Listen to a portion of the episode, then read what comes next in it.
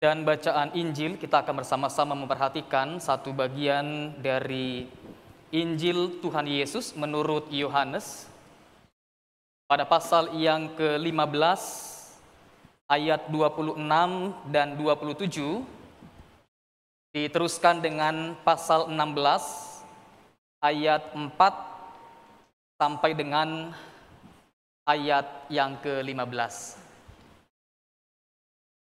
Kita akan membacakannya dengan bersama-sama kita bangkit berdiri.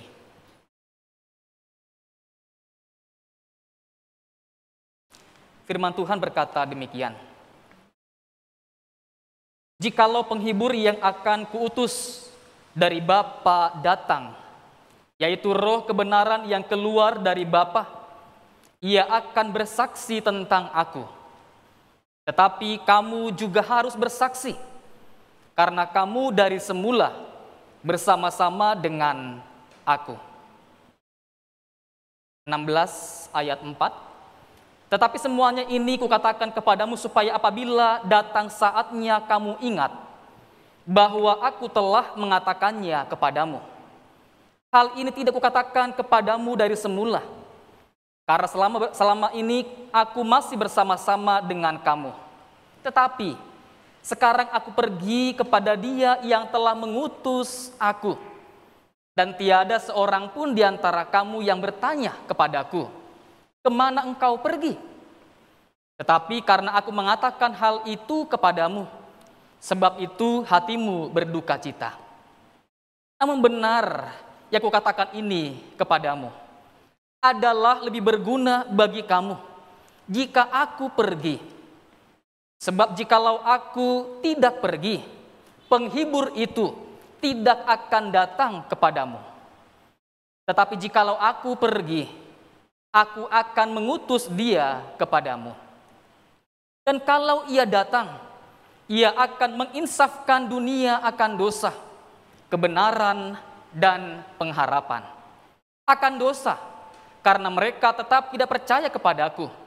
Akan kebenaran, karena aku pergi kepada Bapa dan kamu tidak melihat aku lagi. Akan penghakiman, karena penguasa dunia ini telah dihukum.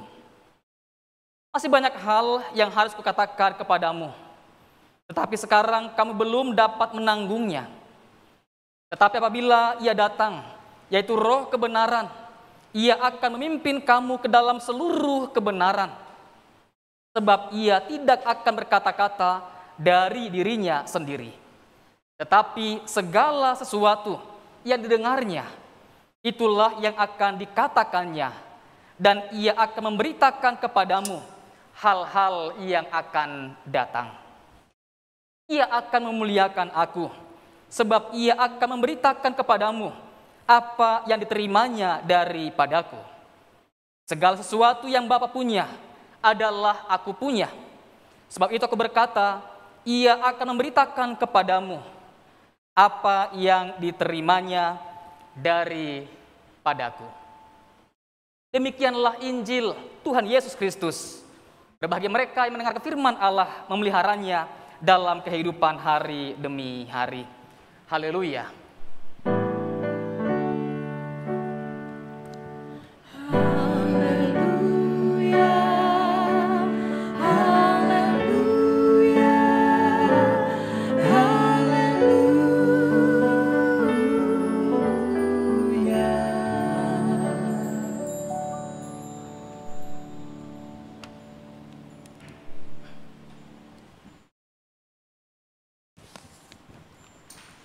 Selamat pagi, selamat hari Minggu, dan selamat Pentakosta.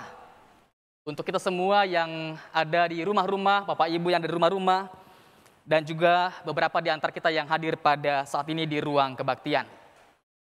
Saudara-saudara, Pentakosta kita rayakan sebagai peristiwa turunnya atau peristiwa pencurahan Roh Kudus. Sekaligus juga ada sebuah peristiwa lain yang menyertai begitu ya yang menjadi momentum dari peristiwa Pentakosta. Kalau pada tanggal 13 Mei yang lalu kita merayakan ulang tahun HUT Patekuan yang ke-153 ya Maka pada hari ini kita merayakan ulang tahun gereja. Gereja di seluruh tempat, di segala abad, di seluruh dunia. Pentakosta merupakan satu momentum pencurahan Roh Kudus sekaligus juga momentum lahirnya gereja Tuhan di tengah-tengah dunia ini.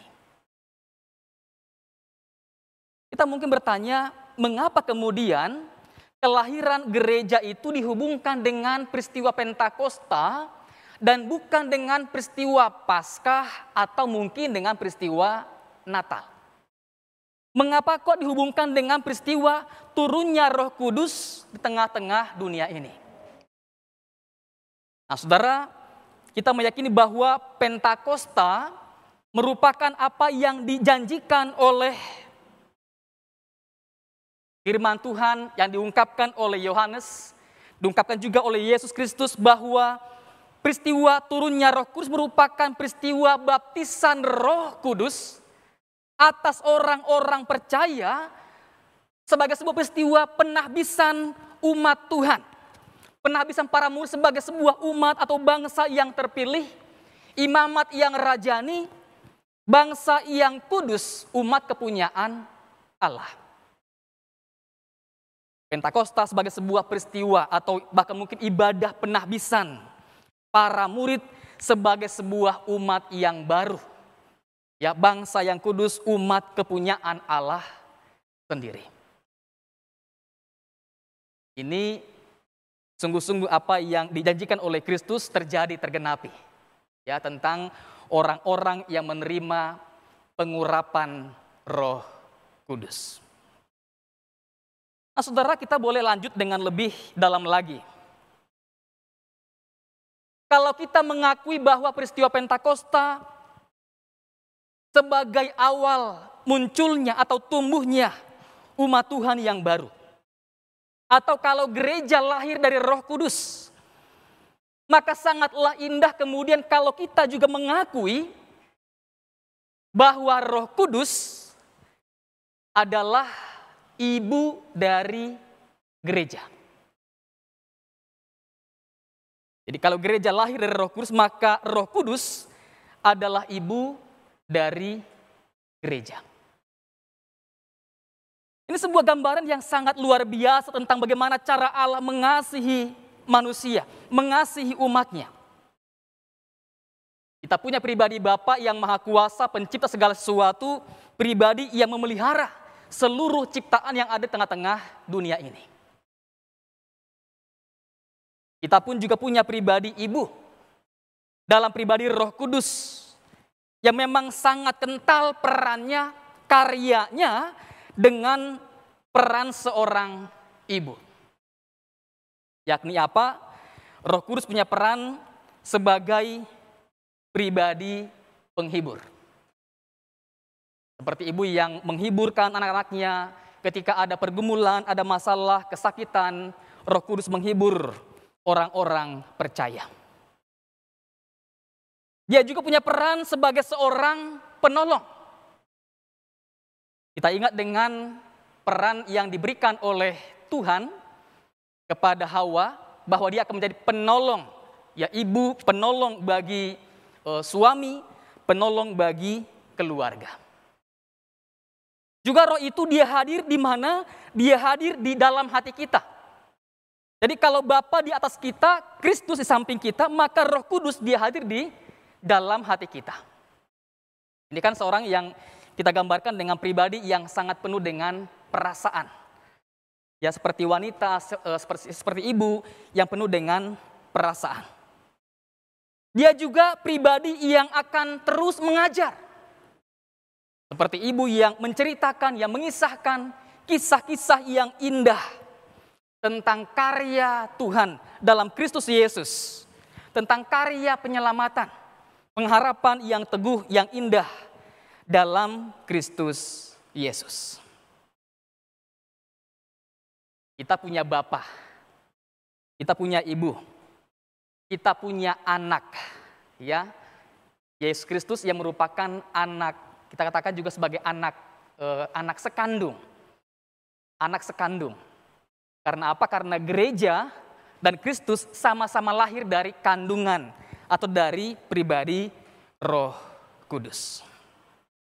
Ini gambaran yang luar biasa tentang bagaimana cara Allah begitu ya mengasihi kita, merangkul kita dan terus memelihara langkah kita sampai selama-lamanya. Nah, Saudara-saudara, kalau kemudian dalam kisah-kisah banyak di berbagai uh, kisah di dunia ini ya, kalau emak-emak, kalau ibu-ibu sudah sampai turun tangan, maka biasanya akan terjadi berbagai kehebohan yang luar biasa. Ya. Jadi kalau emak-emak turun tangan, umumnya akan banyak hal-hal yang heboh, hal-hal yang e, luar biasa akan terjadi.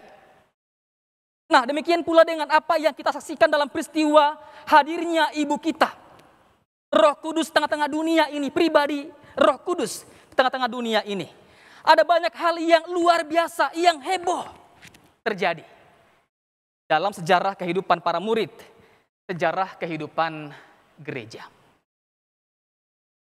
Yang pertama kita perhatikan kehebohan yang luar biasa, yang sangat kontras dengan apa yang terjadi dalam sejarah perjanjian lama.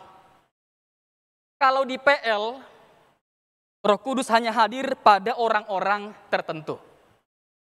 Pada imam, pada raja yang diurapi, pada nabi, dan pada beberapa orang tertentu yang dipilih untuk suatu pekerjaan yang tertentu seperti Bezalel dan juga Aholiab. Namun dalam peristiwa Pentakosta yang hadir atau yang yang eh, semua yang hadir pada eh, tempat di mana para murid berkumpul itu, mereka semua mendapatkan pengalaman pencurahan Roh Kudus. Kalau para murid ya di apa di, di, dikenakan seperti apa yang dialami uh, oleh orang-orang dalam zaman PL, jadi imam, raja, nabi, uh, maka para murid itu bukan orang yang punya apa punya uh, kesempatan untuk mengalami pencurahan Roh Kudus seperti yang dialami oleh oleh PL. Ya, karena mereka bukan dari kalangan imam, mereka bukan dari kalangan raja atau dari kalangan nabi. Tapi Peristiwa Pentakosta merupakan sebuah sejarah yang baru. Mengubah sejarah bagaimana orang beriman, orang berjumpa dengan Tuhan. Karena semua orang yang percaya, semua murid yang percaya yang berkumpul pada waktu itu, mereka semua mengalami pencurahan Roh Kudus. Tua muda, orang kaya, orang biasa, pejabat, rakyat jelata, mereka semua mendapatkan pencurahan Roh Kudus. Jadi kalau dulu di PL tiang api hanya ada di atas kemah suci, maka sekarang dalam peristiwa Pentakosta tiang api ada dalam semua orang yang percaya. Kalau dulu ruang Maha Kudus hanya ada di ruang kemah suci, maka sekarang ruang Maha Kudus ada dalam semua hati orang yang percaya. Dan ibu kita, Roh Kudus itu dia hadir di sana, berdiam di sana dan berkuasa memimpin dari kedalaman hati kita. Terserah beberapa hari yang lalu ada seorang teman memberikan prediksi. Prediksi yang mungkin buat kita uh, menjadi hal yang membuat kita ketar-ketir begitu ya. Dia bilang begini, bahwa nanti mungkin dalam waktu tiga tahun ke depan banyak sekolah bahkan gereja akan menutup ruangan-ruangan mereka. Mengapa? Oleh karena sama seperti toko-toko yang tidak lagi dikunjungi oleh e, pengunjung atau pelanggan karena mereka sudah terbiasa dengan online, belanja online. Demikian pula halnya dengan sekolah-sekolah karena para murid terbiasa dengan studi online maka mereka akan uh, memilih untuk ibadah secara uh, memilih sekolah secara secara online. Maka ruangan-ruangan di sekolah tidak lagi diperlukan dalam jumlah yang besar, jumlah yang yang banyak. Juga dalam hal ini ibadah-ibadah di gereja akan mulai sangat berkurang. Ya karena orang akan memilih atau bahkan mungkin sudah nyaman dengan ibadah-ibadah online perlahan-lahan ruang gereja tidak lagi akan dikunjungi, tidak lagi akan dirindukan, tidak lagi akan digunakan secara maksimal untuk pertemuan-pertemuan dalam jumlah yang besar. Bahkan mungkin perlahan-lahan akan sama seperti apa yang dialami oleh gereja-gereja di Eropa dan di Amerika, ditinggalkan umatnya dan kemudian banyak yang di, dijual. Terserah ini mungkin membuat kita juga merasa miris, begitu ya. Kalau sampai kemudian gereja memang mengalami nasib yang seperti ini. Namun saudara ini menjadi sebuah hal yang sangat mungkin terjadi kalau kemudian orang-orang percaya, orang-orang Kristen punya hati yang sudah semakin tertutup, semakin sulit untuk melekat kepada Kristus dan Roh Kudus. Dan memang dalam pengalaman pengalaman bergereja, ya banyak orang yang sangat melekat kepada gereja, namun tidak melekat kepada Kristus dan Roh Kudus. Ini terbukti dari banyaknya orang yang bersedia dibaptis, namun tidak bersedia terlibat dalam pekerjaan-pekerjaan Tuhan di gereja ataupun di luar gereja. Banyak orang yang menjadi anggota gereja, tapi eh, sedikit yang terlibat dalam pelayanan yang ada di tengah-tengah e, gereja. Jadi melekat dengan gereja tapi tidak melekat dengan Kristus dan Roh Kudus. Ini sesuatu hal yang sangat ironis terjadi yang mungkin juga nanti akan menjadi pemicu banyaknya orang yang akan mulai kehilangan e, ketertarikan begitu ya untuk e, berbakti kepada Tuhan di tengah-tengah e, gereja. Saya pribadi yakin bahwa kalau semua kita umat Tuhan melekat kepada Kristus, melekat kepada Roh Kudus, kita pasti akan juga akan melekat kepada tubuh Kristus yakni gereja. Jadi kalau umat melekat kepada dua pribadi ini, kepada eh, Roh Kudus, kepada Kristus, kepada juga kepada Bapa, maka yakinlah gereja tidak akan ditinggalkan atau dilupakan oleh eh, umat. Karena gereja adalah juga tubuh dari uh, Kristus. Dan itu yang kita dalami dalam apa dalam seri doa.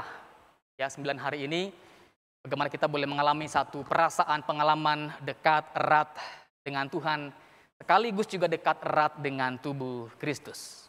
Kita belajar tentang buah-buah roh yang memang akan semakin menyatukan kita ya dalam semangat sebagai keluarga kerajaan Allah semua kita menjadi saudara menjadi keluarga dan kita bersatu dengan uh, Bapa, dengan Ibu, Roh Kudus dan dengan uh, kakak kandung kita ya dengan Tuhan Yesus Kristus. Nah, Saudara, perubahan atau pembaharuan yang berikutnya yang kita dapat temukan dalam dalam teks pada hari ini adalah perubahan yang dialami oleh para murid. Para murid yang merupakan orang-orang yang biasa menjadi orang-orang yang sangat berkarunia. Sangat penuh dengan karunia, karunia roh. Para murid semuanya adalah orang-orang Galilea. Ya, orang-orang biasa. Mereka kerjanya nelayan. Ada juga yang kerjanya hanya sebagai pemungut pajak, pemungut cukai. Jadi mereka orang-orang yang kerjanya itu kasar. Bukan orang-orang yang biasa dengan urusan-urusan keagamaan, apalagi dengan urusan-urusan pengajaran. Ya, pengajaran-pengajaran keimanan. Tetapi ketika Roh Kudus turun dan tercurah kepada mereka masing-masing, maka mereka menjadi orang-orang yang penuh dengan karunia, sangat berkarunia. Kita perhatikan dalam bagian yang pertama, bagaimana orang-orang desa ini, ya uang deso ini, tiba-tiba mereka bisa menggunakan bahasa-bahasa internasional bahasa-bahasa asing dalam berbagai lingkup di luar negeri. Minimal ada 15 bahasa yang mereka gunakan pada waktu itu, bahasa yang biasa dipakai oleh orang-orang di berbagai negeri. Jadi bayangkan uang deso tiba-tiba bisa berbahasa asing, berbahasa luar negeri. Juga kemudian tiba-tiba orang biasa ini memahami, jadi mampu memahami seluruh kebenaran kitab suci. Oleh karena Roh Kudus yang mengungkapkan, menyingkapkan seluruh kebenaran Allah itu kepada mereka masing-masing. Bahkan mereka dapat dianggap sejajar bahkan mungkin melebihi pemahaman, keyakinan, ya ilmu dari orang-orang Farisi dan para ahli kitab. Karena mereka mampu memahami seluruh kebenaran kitab suci yang ya mereka uh, miliki. Ya. Dan kemudian diterangi lagi dengan pengalaman perjumpaan, pengajaran dalam pribadi Yesus Kristus. Kemudian juga kita perhatikan bahwa para murid ini juga diberikan karunia, mereka mampu mengajar berkhotbah dengan begitu luar biasa. Ini diungkapkan oleh pengajaran yang diberikan oleh Petrus di hadapan para uh, mahkamah agama. Ya, para ulama. Nanti diteruskan lagi oleh Stefanus dan seterusnya. Para murid kemudian sangat berkarunia bahkan membuat semua orang terheran-heran. Diungkapkan dalam kisah 4 ayat 13 bagaimana mahkamah agama, pemuka agama yang sangat terhormat itu mereka mengatakan ketika sedang itu melihat keberanian Petrus dan Yohanes dan mengetahui bahwa keduanya orang biasa yang tidak terpelajar Heranlah mereka dan mereka mengenal keduanya sebagai pengikut Kristus. Jadi bayangkan orang-orang banyak, pemuka-pemuka agama, merasa sangat heran dengan karunia yang, yang dimiliki, yang dialami oleh para murid dalam berbagai bentuk karunia yang luar biasa yang mereka uh, miliki, ya, yang diberikan oleh Roh kepada mereka. Nah, saudara-saudara, banyak orang yang telah menerima kehadiran pencurahan Roh Kudus, namun tidak mengembangkan kehidupan yang berkarunia. Mereka tahu, mereka yakin bahwa Roh, Roh Allah, Roh Kudus sudah hadir, tercurah dalam hidup mereka, namun mereka menolak untuk mengembangkan kehidupan yang berkarunia. Ketika diajak pembinaan, mereka ogah-ogahan. Ya. Ketika diajak pelayanan, mereka menolak. Ini cara bagaimana orang kemudian mendukakan perasaan ibu, mendukakan perasaan Roh Kudus karena mereka telah menyambut sang ibu tapi menolak kehidupan yang berkarunia, kehidupan yang berkembang dalam karunia-karunia roh. Kalau diminta menjadi pengurus gereja, petugas kebaktian, begitu ya, mereka menolak. Atau mungkin ketika diajak untuk untuk ikut tes tes karunia, mereka mau. Tapi setelah itu kemudian mereka mendiamkan, membiarkan hasil yang sudah di apa disingkapkan tentang karunia yang Allah berikan kepada mereka. Jadi ini satu evaluasi yang perlu juga kita sama-sama uh, boleh uh, lihat supaya kita kemudian dapat mulai saat ini mengembangkan dengan serius, dengan sungguh-sungguh karunia yang Allah tumbuhkan, ya supaya semakin uh, dia ditemukan, dia dikembangkan, ditingkatkan, dan juga dia digunakan untuk pelayanan Tuhan yang memuliakan nama Tuhan. Terserah di Aleppo, di uh, Suriah, ada seorang pria berumur 68 tahun yang eh, sehari-hari, eh, sudah 40 tahun ini, menggunakan pakaian yang serba serba kuning. Ya, semua kuning. Topinya kuning, bajunya kuning, jaketnya, jasnya kuning, celana kuning, sepatu kuning, bagian dalam juga kuning. Di rumah juga begitu. Ya, sofanya, kursi atau uh,